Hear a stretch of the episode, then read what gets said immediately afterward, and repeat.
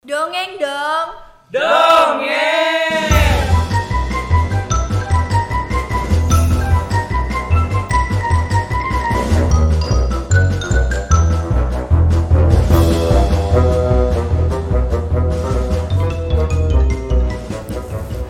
Kupu-kupu berhati mulia.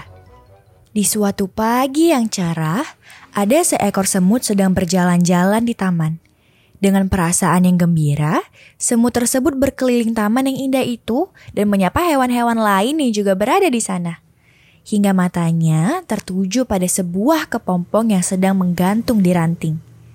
Semut mendekati kepompong itu dan berkata, Kepompong, buruk sekali nasibmu. Sudah jelek, hanya bisa menggantung di sana, tak bisa lakukan apa-apa. Ayo turun sini dan nikmati taman yang indah ini. Mendengar ejekan semut tersebut, kepompong memilih diam dan tak menanggapinya.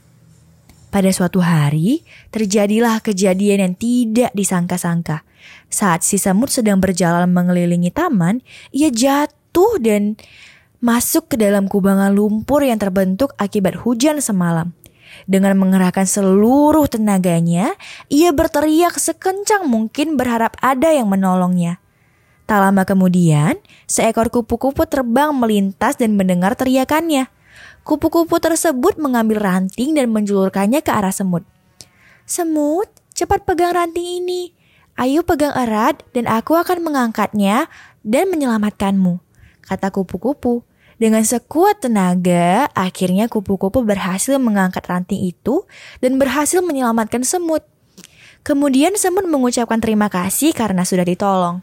Tapi alangkah terkejutnya si semut setelah mendengar pengakuan bahwa kupu-kupu yang menolongnya adalah kepompong yang pernah ia ejek. Semut merasa malu dan berjanji tidak akan pernah menghina sesama makhluk Tuhan lagi.